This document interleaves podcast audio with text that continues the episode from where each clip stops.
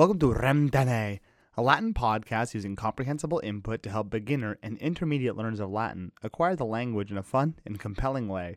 The transcript for this episode can be found in the episode description, where you can follow along. Remember that we will speak twice in the episode, once slowly with words and phrases occasionally defined in English, and again at a more natural speaking speed and no definitions. If you enjoy this, you can support us here on Spotify for podcasters or on Patreon at Latinitas Animi Causa. Although everything on this podcast will be free, your support is what allows us to do what we do. Remember to leave a rating and review to help others find this podcast more easily. Thanks for joining us and enjoy the episode. This episode can also be viewed on YouTube. Salvete sodales. Haec series est rem tene, es sermonum latinorum ad linguam latinam discendam. Mihi nomen est Andreas, et hodie vobiscum loqui velim de Hispania Romana, about Roman Spain. Hispania Romana. In Spotify for podcasters, suffragium ferre potuistis. You were able to cast a vote suffragium ferre potuistis, ad argumentum eligendum. To choose a topic for choosing a topic. Ad argumentum eligendum. Et vos audire voluistis de Hispania Romana.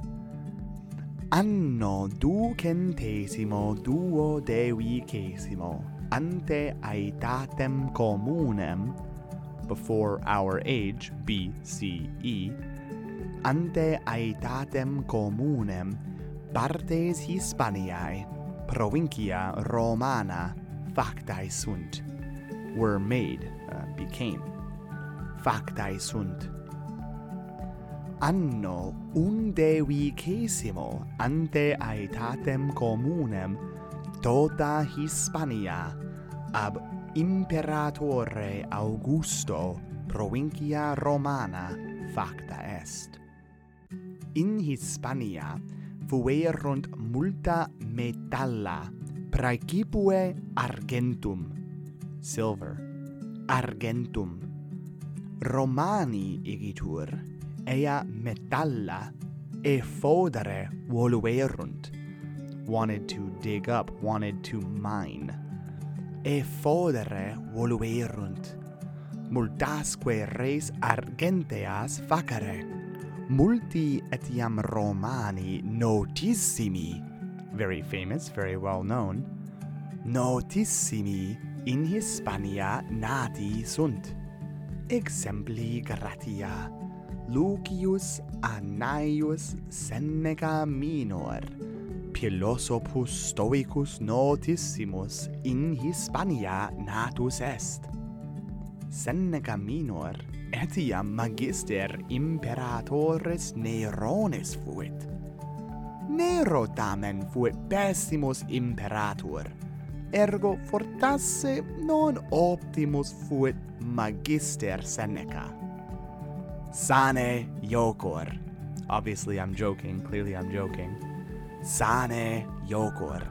Nam etiam boni magistri malos discipulos habent. Marcus Fabius Quintilianus qui scripsit de grammatica latina et de arte rhetorica in Hispania natus est. In Hispania ille scholam rhetoricam optimam condidit established founded condidit. Plinius Minor, qui multas epistulas Latine scripsit, et rem publicam Romanam sub imperatore Traiano administravit, discipulus in scola rhetorica quintiliani fuit. Firi potest, it is possible viri potest ut scriptor historiarum tacitus discipulus quintiliani quoque fuerit, sed non certo scimus. Multi homines Romani in Hispania habitaverunt, et ibi multae urbes, multae viae, et multi portus facti sunt. Haec est vis, power, influence. Vis imperii Romani. Hoc dico, imperia non semper bona sunt, neque semper bona faciunt. Multa alia de imperiis et de Hispania Romana dicere possum sed patientia vestra abuti nolo. Bene, Iterum totam rem dicam Calerius et sine vocabulis Anglicis. Salvete sodales, haec series et remdene, et serie sermonum latinorum ad linguam latinam discendam. Mihi nomen est Andreas et hodie vobiscum loqui velim de Hispania Romana. In Spotify for Podcasters, suffragium ferre potuistis ad argumentum eligendum, et vos audire voluistis de Hispania Romana.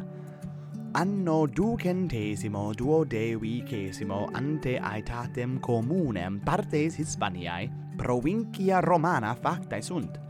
Anno undecesimo ante aetatem communem tota Hispania ab imperatore Augusto provincia Romana facta est in Hispania fuerunt multa metalla praecipue argentum. Romani igitur ea metalla e fodere voluerunt multasque res argenteas facere.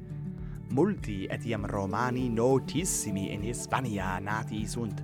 Exempli Galatia, Lucius Annaius Senecaminor, philosophos stoicus notissimus in Hispania natus est. Senecaminor etiam magister imperatores Neirones fuit, Nero tamen fuit pessimus imperator, ergo fortasse non optimus fuit magister Seneca, sane iocor, nam etiam boni magistri malos discipulos habent. Marcus Fabius Quintilianus, qui scripsit grammatica latina et arte rhetorica, in Hispania natus est.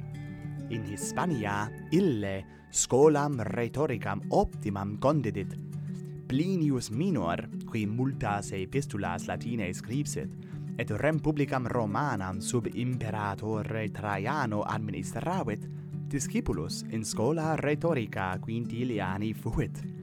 Viri potest ut scriptor historiarum tacitus discipulus quintiliani quoque fuerit, sed non certo scimus.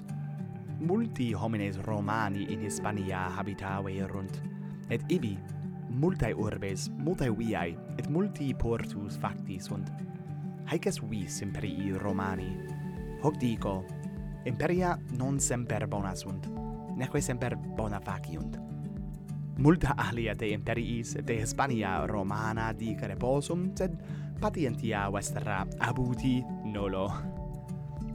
Hac septimanna mentionem nominis fautores nostri facere volumus, gratia summa sagimus fautori nostro, cui nomen est Sweet Tale, well, Sweet Tale, nescio.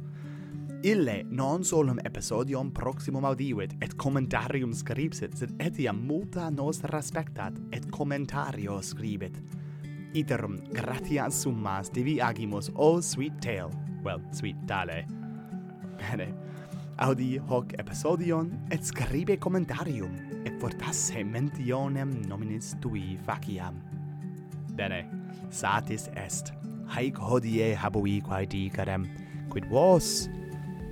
Sunt ne alia quae discere vultis de Hispania Romana, vos ne aliquid scitis quod non dixi de Hispania Romana, Nobis caribere potestis apple Apple podcast, well Spotify, well etiam situm nostrum habesne lac.com linea inclinans contact, well etiam apud YouTube.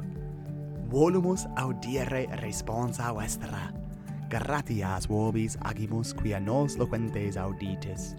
Speramus fore ut hoc episodion vobis placeat. Curate ut in proximum maleatis et memento te. Remtenite! verba sequentur.